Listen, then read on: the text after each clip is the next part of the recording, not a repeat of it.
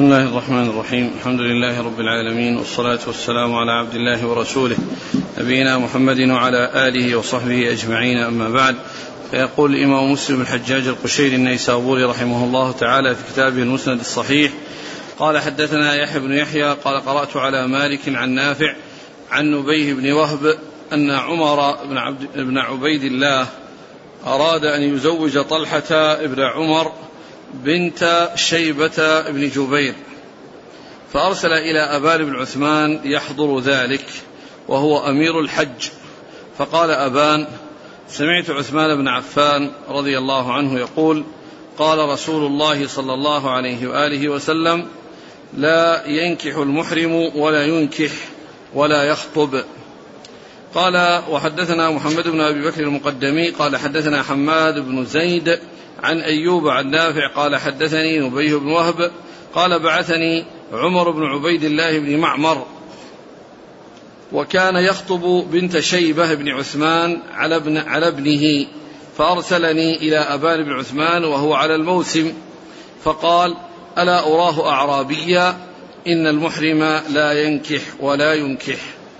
قال أخبرنا بذلك عثمان عن رسول الله صلى الله عليه وسلم. قال وحدثني أبو غسان المسمعي قال حدثنا عبد الأعلى حا قال وحدثنا أبو الخطاب زياد بن يحيى قال حدثنا محمد بن سواء قال جميعا حدثنا سعيد عن مطر ويعلى بن حكيم عن نافع عن نبيه بن وهب عن أبان بن عثمان عن عثمان بن عفان رضي الله عنه أن رسول الله صلى الله عليه وسلم قال لا ينكح المحرم ولا ينكح ولا يخطب. قال وحدثنا أبو بكر بن أبي شيبة وعمر الناقد وزهير بن حرب جميعا عن ابن عيينة. قال زهير حدثنا سفيان بن عيينة عن أيوب بن موسى عن نبيه بن وهب عن أبان بن عثمان عن عفان عن أبان بن عثمان عن عثمان رضي الله عنه يبلغ به النبي صلى الله عليه وسلم قال المحرم لا ينكح ولا يخطب. قال حدثنا عبد الملك بن شعيب بن الليث قال حدثني أبي عن جدي قال حدثني خالد بن يزيد قال حدثني سعيد بن أبي هلال عن نبيه بن وهب أن عمر بن عبيد الله بن معمر أراد أن ينكح ابنه طلحة بنت شيبة بن جبير في الحج وأبان بن عثمان يومئذ أمير الحاج فأرسل إلى أبان أني قد أردت أن أنكح طلحة بن عمر فأحب أن تحضر ذلك. فقال له أبان ألا أراك عراقيا جافيا؟ إني سمعت عثمان بن عفان رضي الله عنه يقول قال رسول الله صلى الله عليه وسلم لا ينكح المحرم. بسم الله الرحمن الرحيم. الحمد لله رب العالمين وصلى الله وسلم وبارك على عبده ورسوله نبينا محمد وعلى آله وأصحابه أجمعين. أما بعد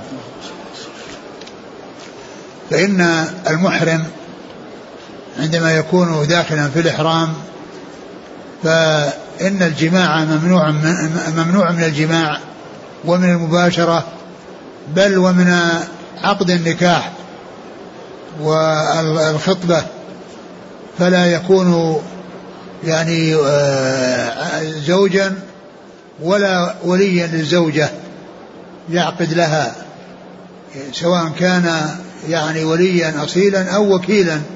عن ولي فإنه في حال تلبسه في الإحرام ليس له أن يتولى عقد النكاح. وقد وردت في ذلك هذه الأحاديث هذا الحديث الذي جاء من طرق عن عثمان بن عفان رضي الله تعالى عنه أن النبي صلى الله عليه وسلم قال لا ينكح المحرم ولا ينكح ولا يخطب. لا ينكح يعني لا يتزوج بأن يكون يعني يعقد له وهو زوج ولا ينكح يعني يزوج. يزوج موليته سواء كان أصيلا أو وكيلا.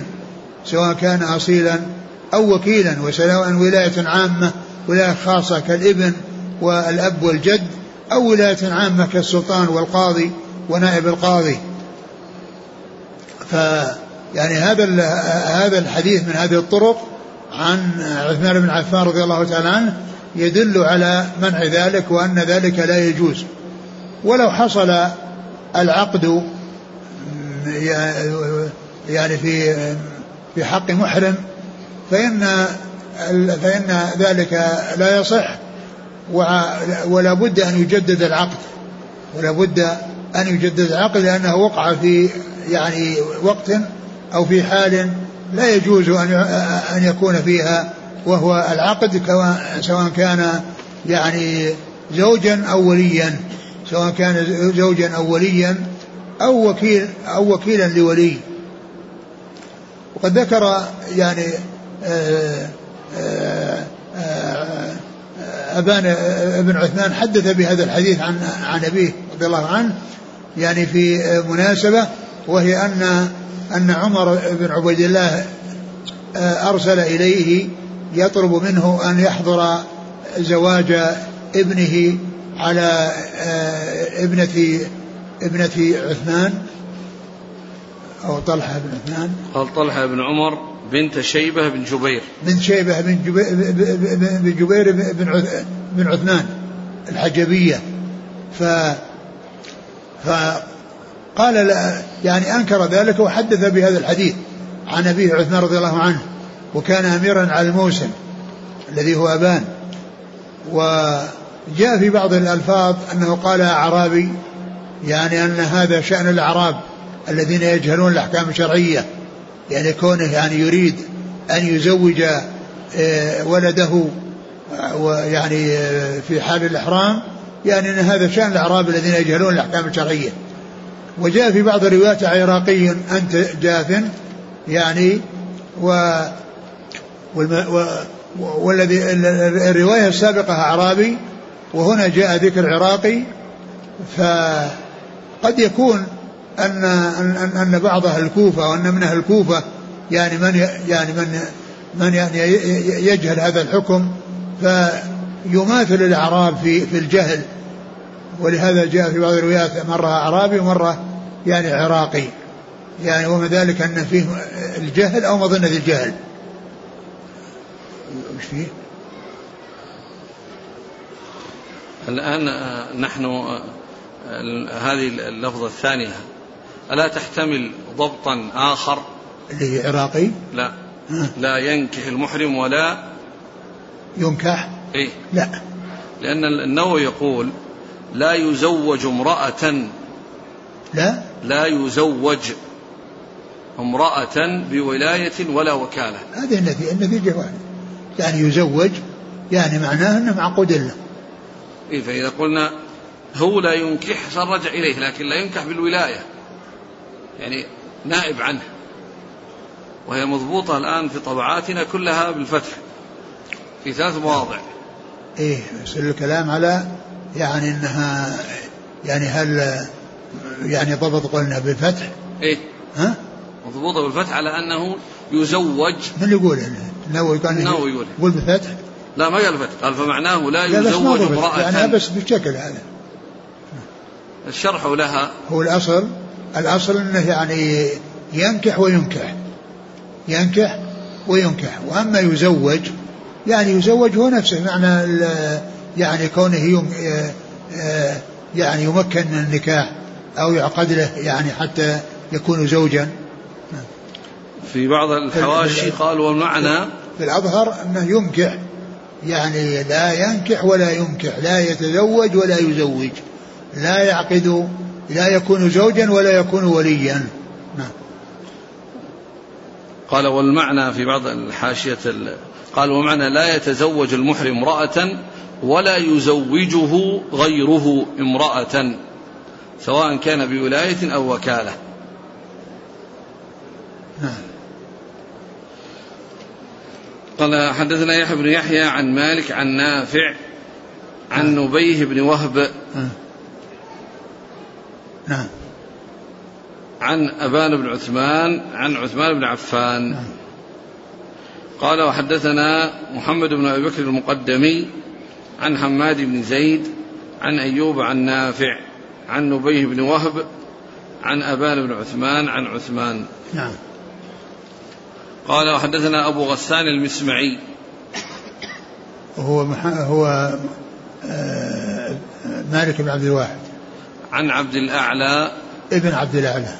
ها قال وحدثنا أبو الخطاب زياد بن يحيى عن محمد بن سواء زياد بن يحيى النكري هذا أحد شيوخ أصحاب الكتب الستة. أحد شيوخ أصحاب الكتب الستة الذين هم تسعة. كل واحد كلهم هؤلاء التسعة روى عنهم أصحاب الكتب الستة البخاري ومسلم وأبو داود والترمذي والنسائي وابن ماجه. يعني يعتبرون شيوخا لهؤلاء الستة وهم تسعة. منهم هذا الذي هو آه، زياد بن يحيى النكري أبو الخطاب. وقد مر ذكرهم منهم عمرو بن علي الفلاس محمد بن مثنى محمد بن بشار يعقوب بن إبراهيم الدورقي آه، محمد بن علاء بن كريب نصر بن علي الجهضمي آه، زياد محمد بن معمر البحراني والتاسع. لا ذكرت نصر عبد الله بن سعيد الأشج. عبد الله بن سعيد الأشج. ها. جميعا عن سعيد عن مطر. سعيد بن أبي عروبة عن مطر الوراق. ويعلى بن حكيم عن نافع عن نبيه بن وهب عن أبان بن عثمان عن عثمان.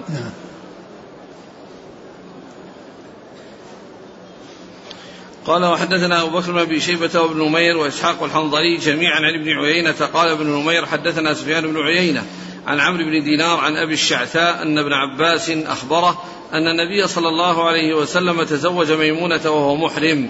زاد ابن نمير فحدثت به الزهري فقال أخبرني يزيد بن الأصم أنه نكحها وهو حلال.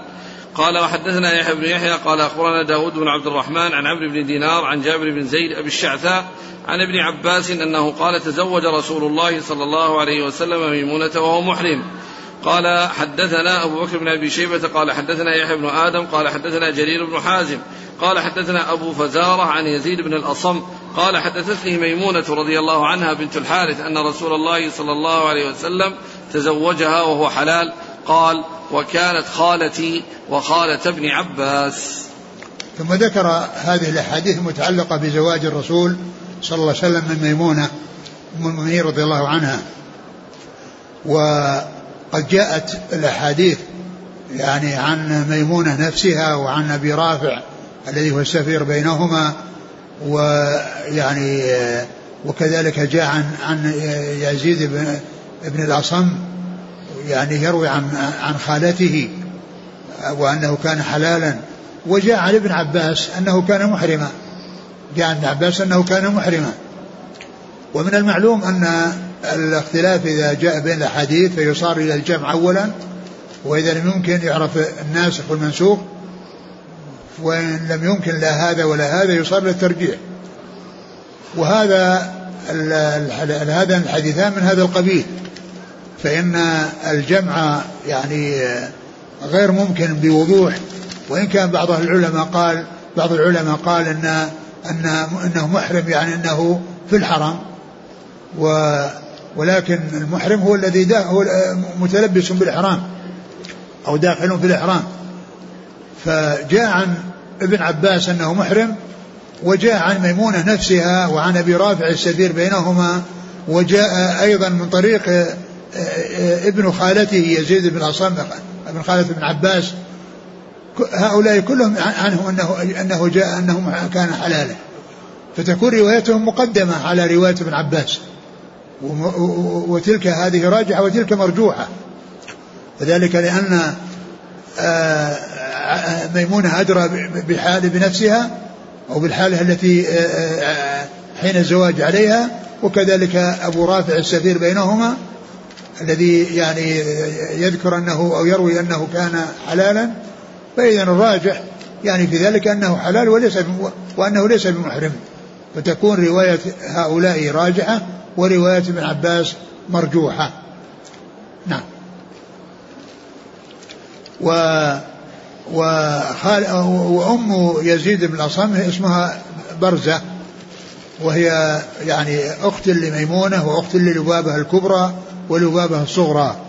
وعلى هذا فإن خالد عبد الله بن عباس والفضل بن عباس وإخوانهم وكذلك خالد بن الوليد ويزيد بن أصم هؤلاء أولاد الخالة. يعني وابن عباس أمه الفضل لبابة الكبرى وهي أم الفضل وأما يعني خالد بن الوليد فأمه لبابة الصغرى. وأما هذا أمه برزة. نعم. وقال يعني هنا قال خالتي وخالتي بن عباس. وهو يروي أنها حلال. يعني معنى ذلك ان يعني أنه متساوي مع ابن عباس في القرب وأنه يروي هذا كما يعني يروي خلاف ما يروي ابن عباس. وهذا الذي رواه يعني يزيد بن الأصم موافق لما يعني ثبت عن أبي رافع وعن ميمونة وهو يروي عن ميمونة كما جاء في الطريقة الأخيرة. نعم. قال حدثنا قال حدثنا أبو بكر بن أبي شيبة وابن نمير وإسحاق الحنظلي جميعا عن ابن عيينة. ابن نمير محمد محمد بن نمير. محمد بن عبد الله بن نمير. عن عمرو بن دينار عن أبي الشعثاء. نعم وهو جابر بن زيد كما سيأتي. قال زاد بن نمير فحدثت به الزهري فقال أخبرني يزيد بن الأصم أنه كان حلال نعم. أنه كان حلالا يعني بخلاف رواية ابن عباس. قال حدثنا أبو بكر بن شيبة عن يحيى بن آدم عن جليل بن حازم عن أبي فزارة. أبي فزارة هو؟ راشد بن كيسان. آه قال رحمه الله تعالى وحدثنا قتيبة بن سعيد قال حدثنا ليث حاء قال حدثنا ابن رمح قال أخبرنا الليث عن نافع عن ابن عمر عن النبي صلى الله عليه وسلم قال لا يبيع بعضكم على بيع بعض ولا يخطب بعضكم على خطبة بعض. قال حدثني زهير بن حرب ومحمد بن مثنى جميعا يحيى القطان قال زهير حدثنا يحيى عن عبيد الله قال أخبرني نافع عن ابن عمر عن النبي صلى الله عليه وسلم قال لا يبيع الرجل على بيع أخيه ولا يخطب على خطبة أخيه إلا أن يأذن له. قال حدثناه أبو بكر بن أبي شيبة قال حدثنا علي بن مسلم عن عبيد الله بهذا الإسناد. قال وحدثنيه أبو كامل الجحدري قال حدثنا حماد قال حدثنا أيوب عن نافع بهذا الإسناد. ثم ذكر يعني هذا الحديث المتعلق بالخطبة يعني على خطبة غيره وأن ذلك يعني غير سائغ وأنه جاء النهي ذلك عن رسول الله عليه الصلاة والسلام حتى يعني حتى يأذن يعني حتى يأذن الخاطب الذي خطب أو سبق إلى الخطبة يأذن لغيره أن يخطب. ومعنى ذلك لا تكون خطبة على خطبة. يعني معنى ذلك كأنه يعني تارك أو أنه يعني ما هو تارك ولكن ما عنده مانع أنه يعني يعني يخطب على على خطبته. فإذا أذن فإن ذلك فإن المحذور يزول. ولقال حتى يأذن. وعلى هذا فإن آه، من من المشو... التي جاءت أو المتعلقة بال يعني بالنكاح أن يعني لا يخطب الإنسان على خطبة أخيه وإنما يعني آه، يتركه يعني حتى يعني يرد أو حتى يأذن الخاطب آه، يخطب. وقد جاء في بعض الأحاديث أن أن الرسول عليه الصلاة والسلام جاءته فاطمة بنت قيس وقالت إن معاوية وأبا جهم خطباها. فالرسول صلى الله عليه وسلم قال أما معاوية فاسألوه كل مال له وأما أبو الجهم فإنه لا يضع العصا عن عاتقه. وأرشدها أن تتزوج يعني أسامة ابن زيد. فقيل أن هذين الخاطبين يعني لعل أحدهما ما درى عن الآخر. يعني فلا تكون من قبيل الخطبة على الخطبة. نعم.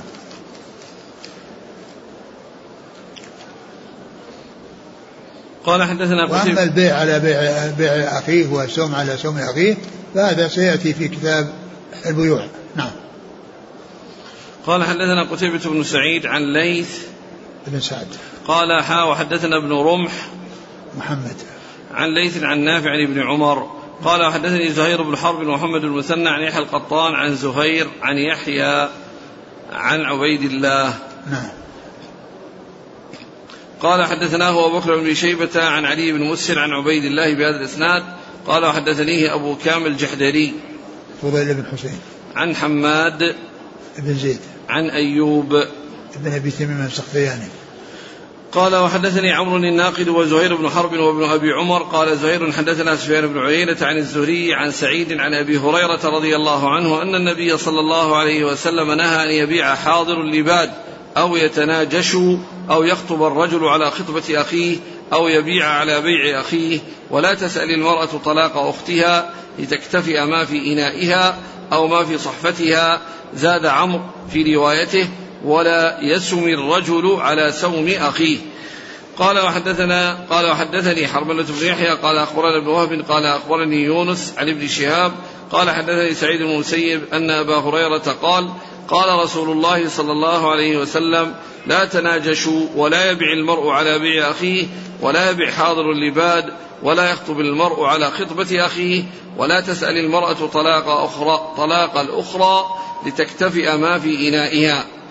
قال وحدثنا أبو بكر بن شيبة قال حدثنا عبد الأعلى حا قال حدثني محمد بن رافع قال حدثنا عبد الرزاق جميعا عن معمر عن الزهري بهذا الإسناد مثله غير أن في حديث معمر ولا يزد الرجل ولا يزد الرجل على بيع أخيه. قال حدثنا يحيى بن أيوب وقتيبة وابن الحجر جميعا عن إسماعيل بن جعفر قال ابن أيوب حدثنا إسماعيل قال أخبرني العلاء عن أبيه عن أبي هريرة رضي الله عنه أن رسول الله صلى الله عليه وسلم قال لا يسم المسلم على سوم أخيه ولا يخطب على خطبته. قال وحدثني أحمد بن إبراهيم الدورقي قال حدثنا عبد الصمد قال حدثنا شعبة عن العلاء وسهيل عن أبيهما عن أبي هريرة عن النبي صلى الله عليه وسلم حا قال حدثناه محمد بن المثنى قال حدثنا عبد الصمد قال حدثنا شعبة عن الأعمش عن أبي صالح عن أبي هريرة عن النبي صلى الله عليه وسلم إلا أنهم قالوا على سوم أخيه وخطبة أخيه. ثم ذكر هذه الأحاديث وكلها تتعلق ب يعني أوردها من أجل خطبة الرجل على خطبة أخيه وأن ذلك يعني غير غير سائغ. وبقية الأمور الأخرى تتعلق ب تتعلق بال يعني بالبيع وقد مر يعني بعضها فيما يتعلق بكون المرأة تسأل طلاق أختها لتكفى ما في صفحتها صحفتها وأن ذلك يعني غير جائز. وفيه أنه لا يبيع حاضر اللباد ولا يحصل التناجش الذي هو كونه يزيد, يزيد في السلعة وهو لا يريد شراءها يزيد في السلعة وهو لا يريد شراءها. يعني كل هذه أيضا تتعلق بالبيع ولكن الأحاديث كلها جاءت هنا من أجل الخطبة على الخطبة وأن ذلك لا يجوز. قال حدثني عون الناقد وزهير بن حرب وابن أبي وابن أبي عمر. محمد بن يحيى بن أبي عمر. عن سفيان عن الزهري عن سعيد. سفيان هو بن عيينة والزهري ومحمد بن مسلم وسعيد المسيب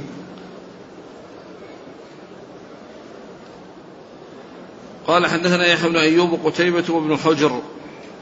علي بن حجر السعدي عن إسماعيل بن جعفر عن العلاء. العلاء بن عبد الرحمن بن يعقوب الحرقي. عن أبيه عن أبي هريرة. نعم.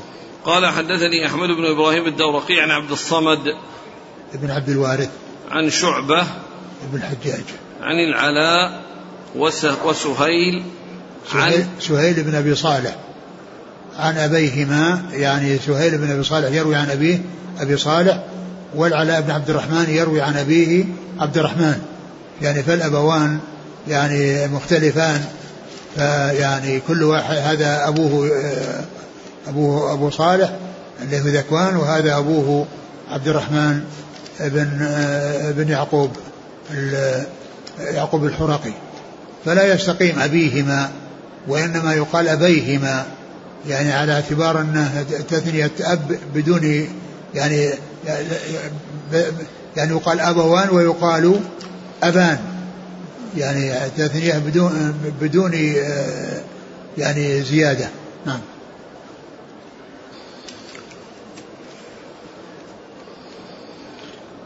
قال وحدثني أبو الطاهر قال أخبرنا عبد الله بن وهب عن الليث وغيره عن يزيد بن أبي حبيب عن عبد الرحمن بن شماسة أنه سمع عقبة بن عامر على المنبر يقول إن رسول الله صلى الله عليه وسلم قال المؤمن أخو المؤمن فلا يحل للمؤمن أن يبتاع على بيع أخيه ولا يخطب على خطبة أخيه حتى يذر. نعم. وهذا مثل ما تقدم. حتى يذر يعني يترك. نعم. قال حدثني أبو الطاهر أحمد بن عمرو بن صالح عن عبد الله بن وهب عن الليث وغيره. نعم. إلى أنه باللهيعة. نعم. إلى أنه باللهيعة. يمكن. ما أدري. عن يزيد بن أبي حبيب عن عبد الرحمن بن شماسة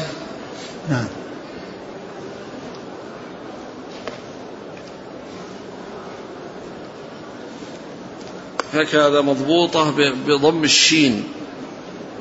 لا هو ذكر الحافظ تقريبا كسر الشين. هو كذلك لكن هنا مضبوطة. بضم الشين؟ نعم. آه، لا هو في التقريب يقول بكسر الشين. يقول آه، عبد الله بن سالم البصري في حاشيته على تقريب التهذيب. عبد الله؟ بن سالم؟ البصري. آه. في في حاشيته على التقريب. آه. ضبط ضبطه الإمام النووي في شرح مسلم في كتاب الإيمان بضم المعجمة وفتحها.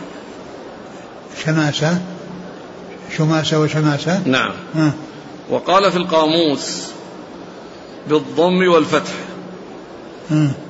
اسم. وكذا أعاد ضبطه بالفتح والضم في شرح مسلم في باب الإمارة. وغيرها. واقتصر الحافظ في فتح الباري على كسر المعجمة فقط كما هنا. فتح الباري؟ نعم. أي هو كذلك في التقريب. عن عقبة بن عامر يقول إنه سمع عقبة بن عامر على المنبر يقول أنه سمع عبد الرحمن بن شماسة سمع عقبة بن عامر على المنبر. يقول إيه؟ النبي صلى الله عليه وسلم قال المؤمن أخو المؤمن فلا يحل للمؤمن أن يبتاع على بيع أخيه. يعني هذا في بيان الأحكام الشرعية على المنابر. بيان الأحكام الشرعية على المنابر. وهذا آه، جاء عن رسول الله صلى الله عليه وسلم عن أصحاب الكرام رضي الله عنهم وأرضاهم. لأن بيان على المنابر يعني فيه الت- التعميم وكثرة السامعين. وكثرة الآخذين.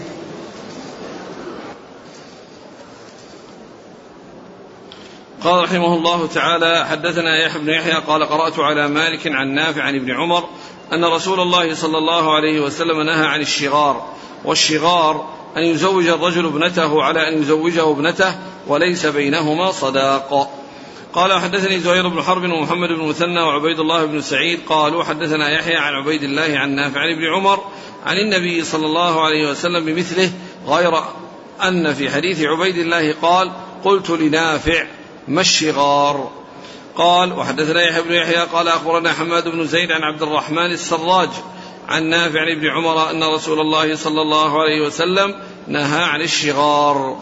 قال وحدثني محمد بن رافع قال حدثنا عبد الرزاق قال أخبرنا معمر عن أيوب عن نافع عن ابن عمر أن النبي صلى الله عليه وسلم قال لا شغار في الإسلام. ثم ذكر هذه الأحاديث المتعلقة بالنهي عن نكاح الشغار.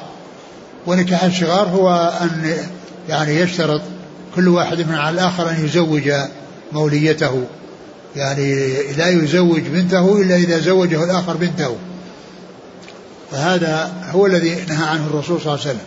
وجاء عن بعض ال- السلف وبعض التابعين مثل نافع أنه جاء عنه أن أنه يزوجه ولا مهر بينهما.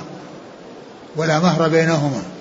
لكن إذا كان ال- ال- الشرط يعني موجود وأنه لا يكون التزويج إلا بشرط حتى ولو كان بين- بينهم مهر. لأن قد يحصل الإضرار. يحصل الإضرار يعني بإحدى الموليتين.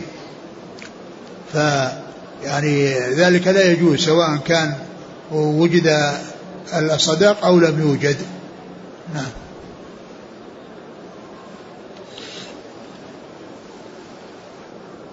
قال حدثنا يحيى بن يحيى عن مالك عن نافع عن ابن عمر. نعم. قال وحدثني زهير بن حرب ومحمد بن مثنى وعبيد الله بن سعيد عن يحيى عمن عن عبيد الله عن نافع بن عمر. يحيى القطان عن قال وحدثنا يحيى بن يحيى عن حماد بن زيد عن عبد الرحمن السراج عن نافع بن عمر. قال وحدثني محمد بن رافع عن عبد الرزاق بن همام الصنعاني. عن معمر بن راشد. عن أيوب عن نافع عن ابن عمر. قال حدثنا أبو بكر بن شيبة قال حدثنا ابن نمير وأبو أسامة عن عبيد الله عن أبي الزناد عن الأعرج عن أبي هريرة قال نهى رسول الله صلى الله عليه وآله وسلم عن الشغار زاد ابن نمير والشغار أن يقول الرجل للرجل زوجني ابنتك وأزوجك ابنتي أو زوجني أختك وأزوجك أختي. قال وحدثناه أبو كريب قال حدثنا عبده عن عبيد الله وهو ابن عمر بهذا الإسناد ولم يذكر زيادة بن نمير. قال وحدثني هذا حديث أبي هريرة ثم يأتي حديث أبي جابر. الباب اللي بعده؟ حديث بقي حديث جابر. لأنها نعم. ثلاث صحابة. نعم يعني هذا يعني أقول هذا مثل مثل الذي قبله النهي عن يعني عن عن الزواج يعني بشرط. أما إذا كان يعني خطب هؤلاء وهؤلاء خطبوا وما في اشتراط هذا لا بأس به. وإنما البأس في كونه لا يزوج إلا إذا زوج. يعني لا يزوج إلا إذا حصل التزويج من الجانب الآخر. أما لو خطب هذا وخطب هذا وكل يعني أعطى ولا ولا في اشتراط يعني كل جاء على على جهة ولا شرط بينهما فإن هذا لا بأس به.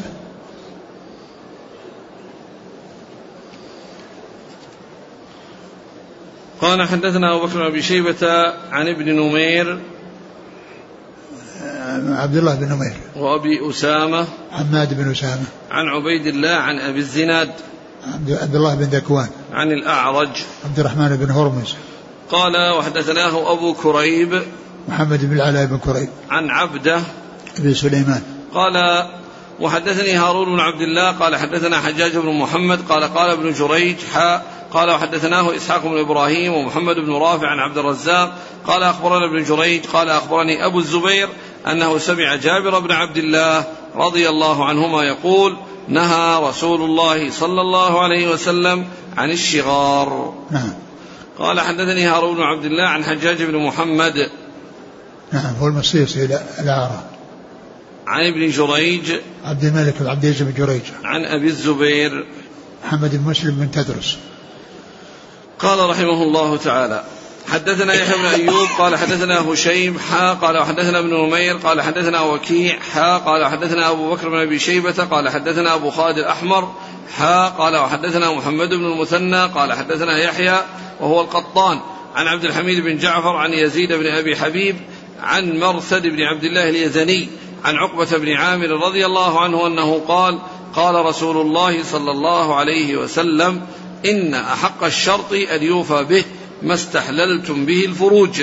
هذا لفظ حديث أبي بكر وابن المثنى غير أن ابن المثنى قال الشروط. ثم ذكر هذا الحديث المتعلق ببيان أهمية البضع أو الأبضاع وأن الشروط التي تكون فيها يعني إذا كانت سائغة شرعا فإن الوفاء بها من من أولى ما يكون ومن أهم ما يكون لأن لأن البضع استحل وكان مشروطا فيه شرط يعني سائغ أما إذا كان الشرط يعني غير صحيح فإن ذلك لا يعول عليه. يعني كان يعني يتزوجها بشرط أن لا ينفق عليها أو غير ذلك من الشروط التي تخالف مقتضى العقد. أما إذا كان آه، كان الشرط يعني لا لا يتعلق بشيء محذور وإنما بأن يعني تكون يعني عند أهلها أو تكون يعني في بلد معين أو ما إلى ذلك فإن هذا سائق.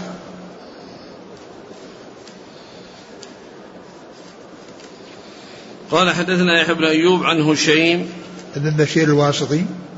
حا قال حدثنا ابن نمير عن وكيع. قال حا وحدثنا أبو بكر بن شيبة عن أبي خالد الأحمر. هو سليمان بن حيان. حا قال حدثنا محمد المثنى عن يحيى والقطان عن عبد الحميد بن جعفر عن يزيد بن أبي حبيب عن مرثد بن عبد الله اليزني. وهذا هو أبو الخير. مشهور بكنية أبو الخير. نعم. عن عقبة بن عامر. نعم. قال رحمه الله تعالى حدثني عبيد الله بن عمر بن ميسرة القواريري.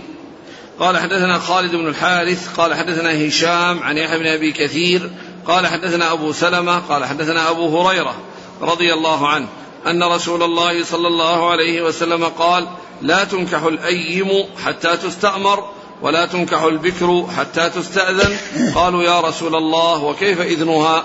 قال أن تسكت قال وحدثني زهير بن حرب قال حدثنا إسماعيل بن إبراهيم قال حدثنا الحجاج بن أبي عثمان حا قال وحدثني إبراهيم بن موسى قال أخبرنا عيسى يعني بن يونس عن الأوزاعي حا قال وحدثني زهير بن حرب قال حدثنا حسين بن محمد قال حدثنا شيبان حا قال وحدثني عمرو الناقد ومحمد بن رافع قال حدثنا عبد الرزاق عن معمر حا قال وحدثنا عبد الله بن عبد الرحمن الدارمي قال أخبرنا يحيى بن حسان قال حدثنا معاوية كلهم عن يحيى بن أبي كثير بمثل معنى حديث هشام وإسناده واتفق لفظ حديث هشام وشيبان ومعاوية بن سلام في هذا الحديث.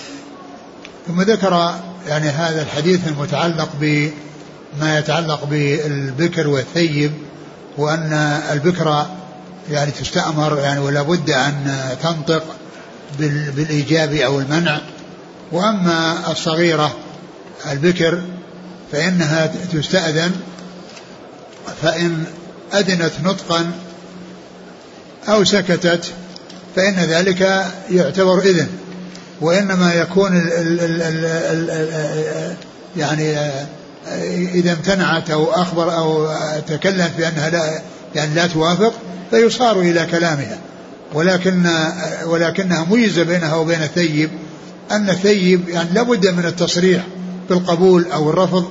وأما بالنسبة للبكر فإنها لحيائها وعدم تجربتها فإنها يعني يحصل من أهل الحياء فإذا سكتت اعتبر ذلك اعتبر ذلك موافقة منها. فجاءت السنة مميزة بين من حصل منها تجربة واعتادت يعني شيئا و فإنه لابد من نطقها. وأما البكر التي لم يحصل منها تجربة فإن يكفي سكوتها وعد ويكفي سكوتها ويغني عن النطق نعم.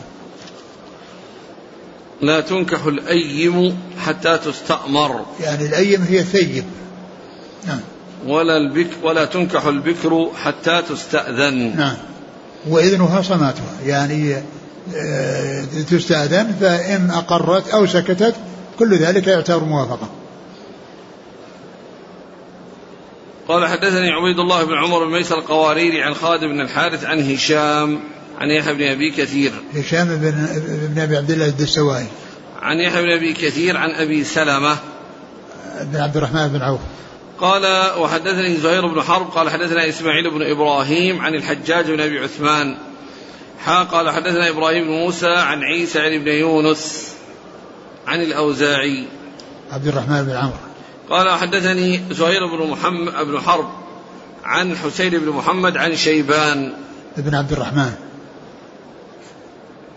قال حدثنا يحيى عبد الله بن عبد الرحمن الدارمي عن يحيى بن حسان عن معاوية. بن سلام. قال حدثنا أبو بكر بن أبي شيبة قال حدثنا عبد الله بن إدريس عن ابن جريج حا قال حدثنا إسحاق بن إبراهيم ومحمد بن رافع جميعا عن عبد الرزاق. واللفظ لابن رافع قال حدثنا عبد الرزاق قال أخبرنا ابن جريج قال سمعت ابن أبي مليكة يقول قال ذكوان مولى عائشة سمعت عائشة تقول سألت رسول الله صلى الله عليه وسلم عن الجارية ينكحها أهلها أتستأمر أم لا؟ فقال لها رسول الله صلى الله عليه وسلم نعم تستأمر. فقالت عائشة فقلت له فإنها تستحي. فقال رسول الله صلى الله عليه وسلم فذلك إذنها إذا هي سكتت.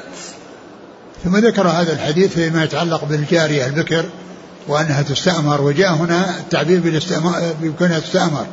وقبل ذلك جاء بأنها تستأذن لما كان الاستئمار يعني مضافا إلى الأيم. يعني هناك قوبل بين الثيب والبكر وهنا جاء ذكر يعني البكر وحدها وأنها تستأمر يعني يعني يطلب منها يعني الموافقة أو أن, توافق ولكن موافقته كما جاء في الحديث أنه سكوتها وصماتها وأن ذلك هو إذنها. نعم. قال حدثنا إسحاق بن إبراهيم ومحمد بن رافع عن عبد الرزاق عن ابن جريج عن ابن أبي مليكة وهو عبد الله ابن عبيد الله. عن ذكوان مولى عائشة عن عائشة. نعم.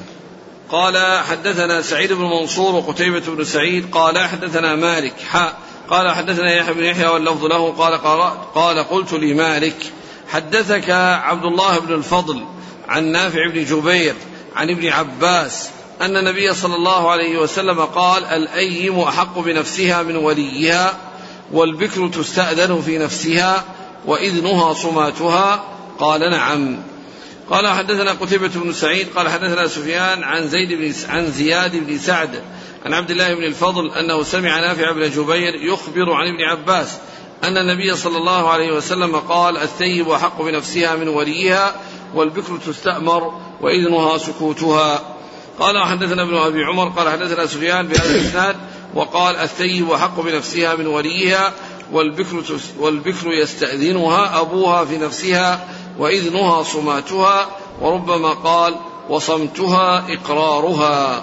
ثم ذكر حديث ابن عباس وهو مثل ما تقدم يعني الأيم يعني هي التي لا بد من نطقها ولا بد من موافقتها وأما البكر فإنه يكفي سكوتها وقوله حق بنفسها يعني لا يعني ذلك الأحقية المطلقة يعني في كل شيء وإنما يعني معناه أن لها لها يعني الأمر ولها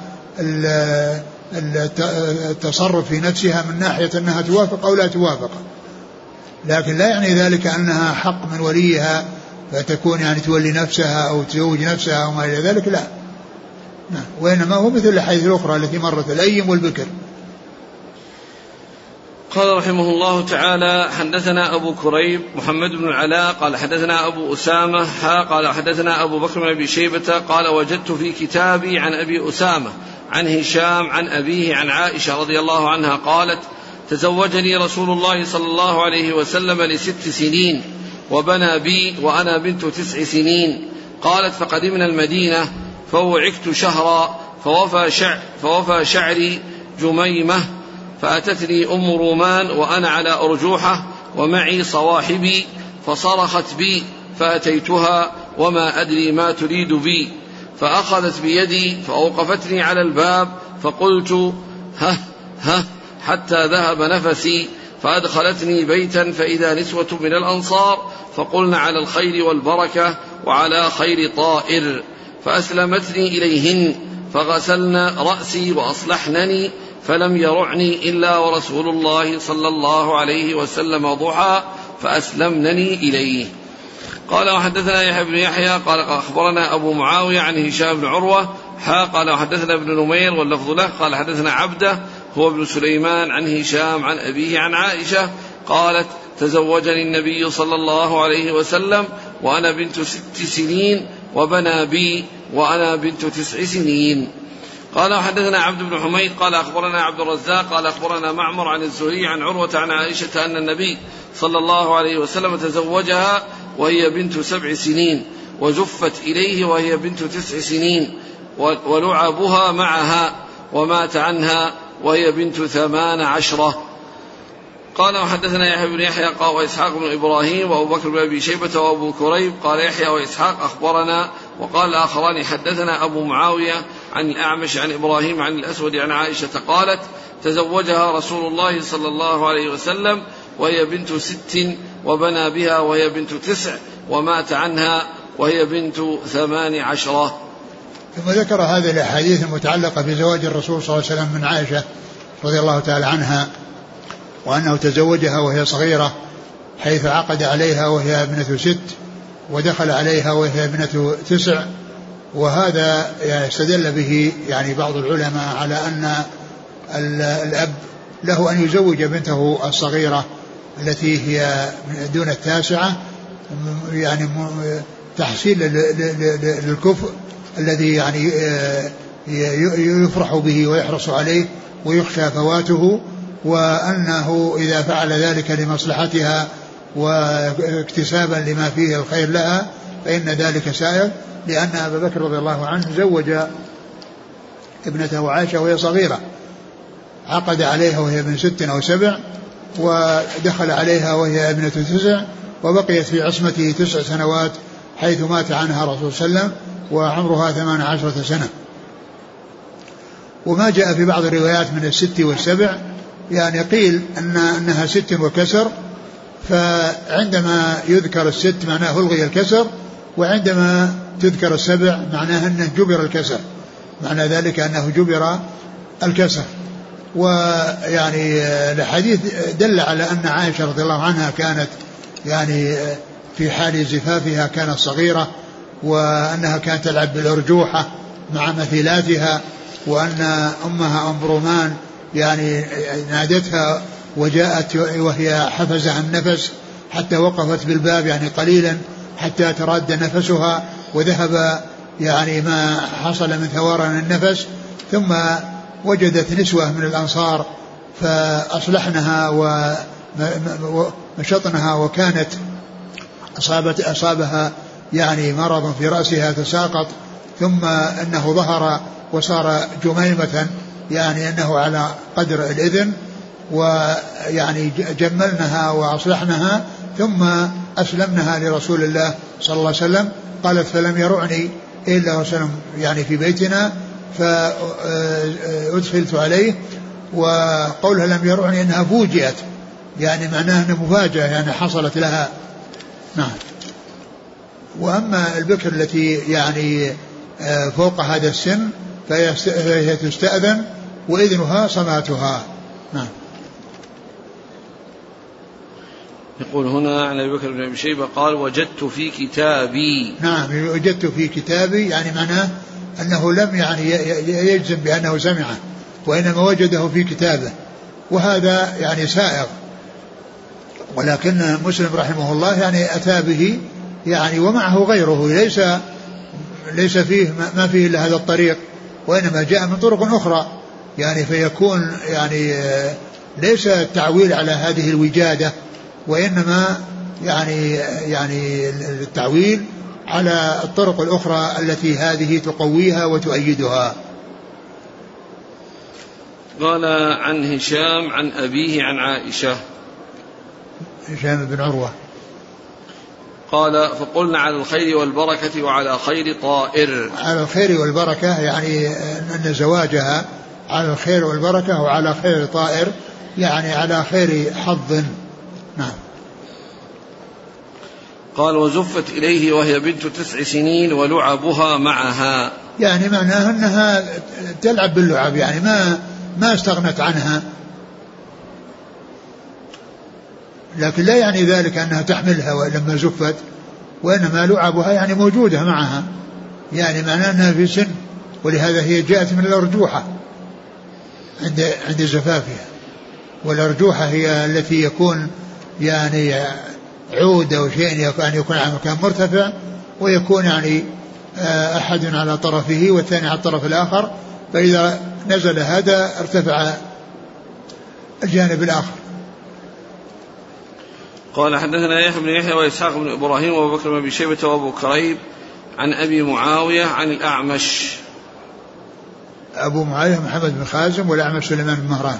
عن إبراهيم بن يزيد النخعي. عن الأسود.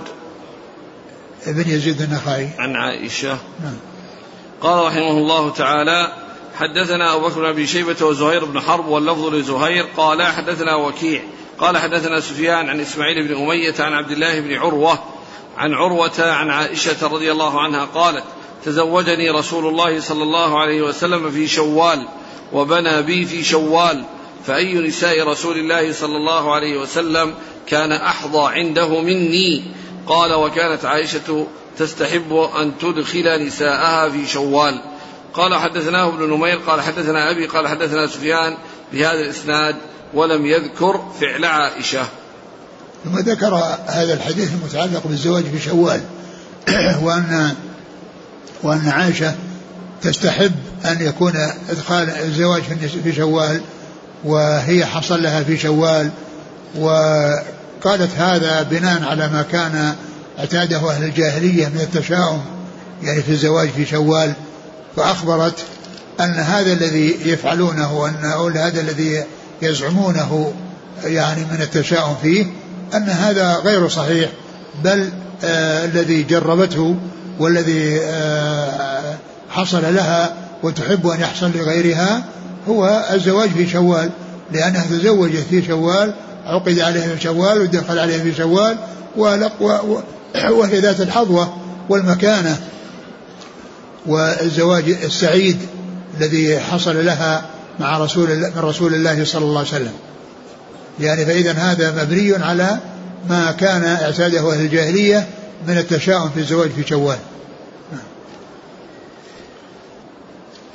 قال رحمه الله تعالى حدثنا ابن أبي عمر قال حدثنا سفيان عن يزيد بن كيسان عن أبي حازم عن أبي هريرة قال كنت عند النبي صلى الله عليه وسلم فأتاه رجل فأخبره أنه تزوج امرأة من الأنصار.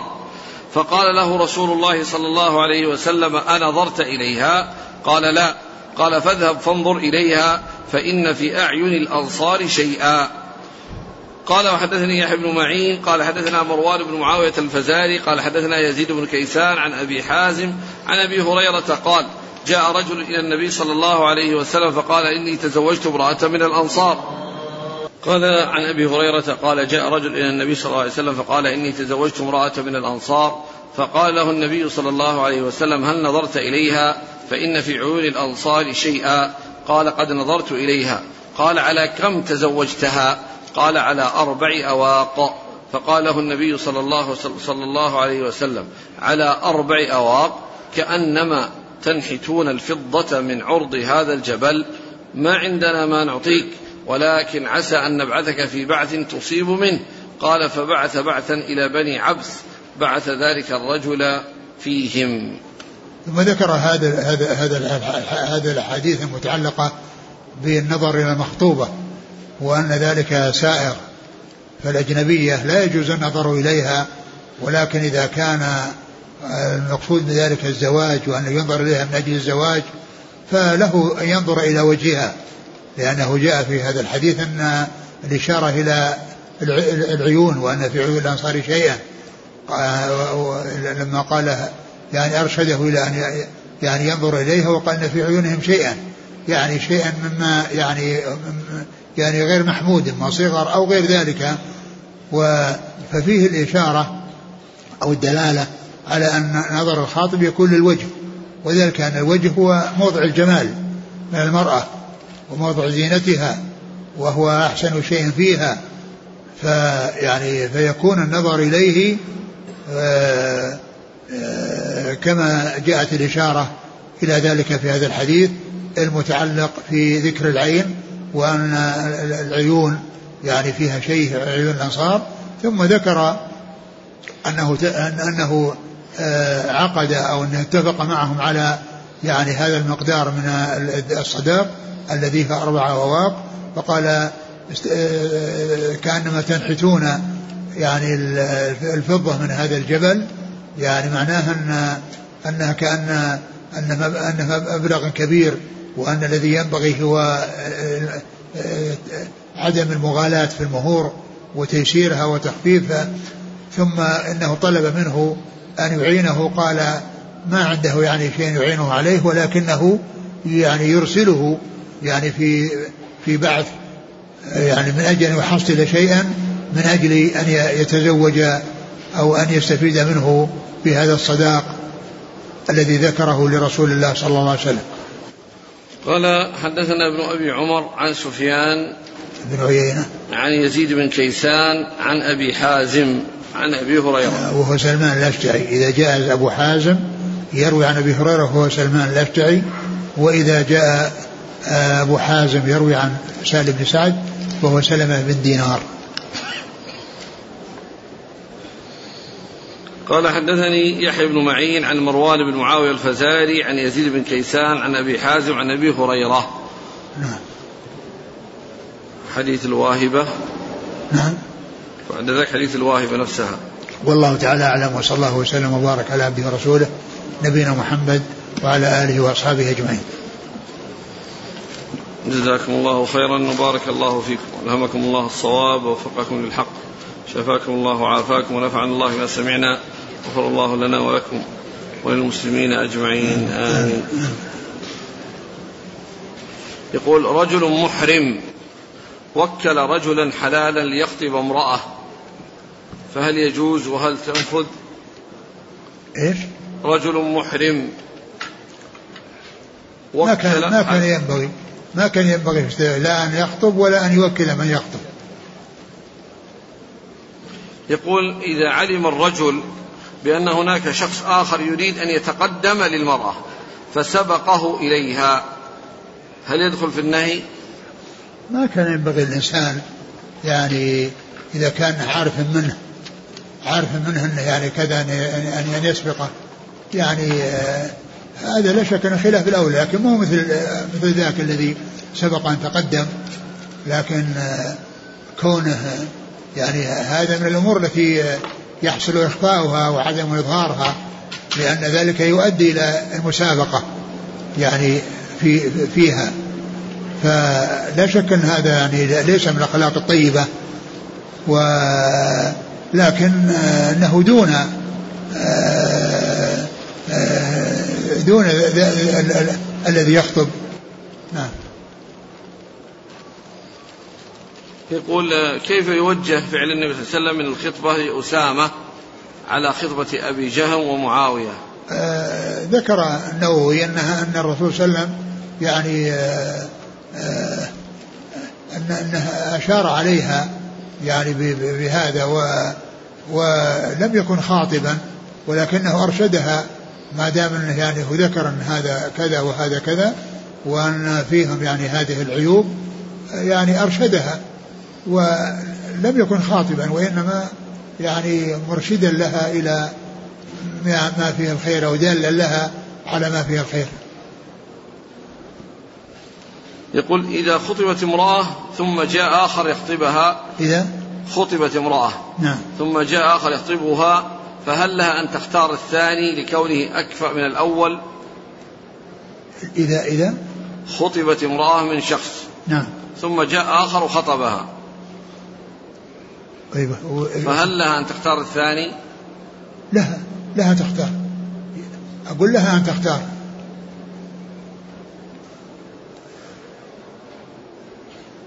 يقول هل يستفاد من حديث ميمونة رضي الله عنها جواز الواسطة بين الرجل والمرأة التي يريد الزواج منها؟ إيه. يدل هذا. على أن الإنسان يعني يعمل واسطة أو يعمل رسول أو مندوب. يتولى هذه المهمة. هل يدخل في الشغار أن يوصي بأن يتزوج آه، فلان ابنة عمه فهي محصورة أو محجورة عليه؟ هل إيش؟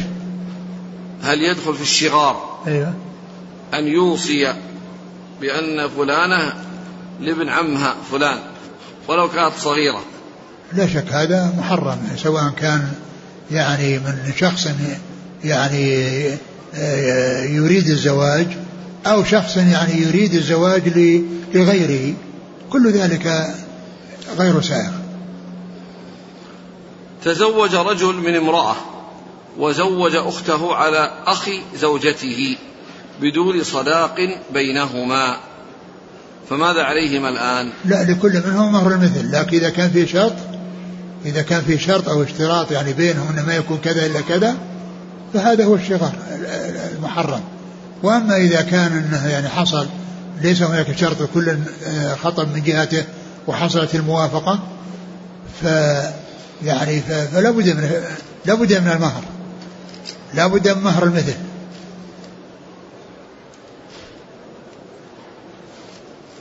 ما حكم التزويج بسورة الفاتحة كما في بعض البلدان بدون إذن أوليائهما؟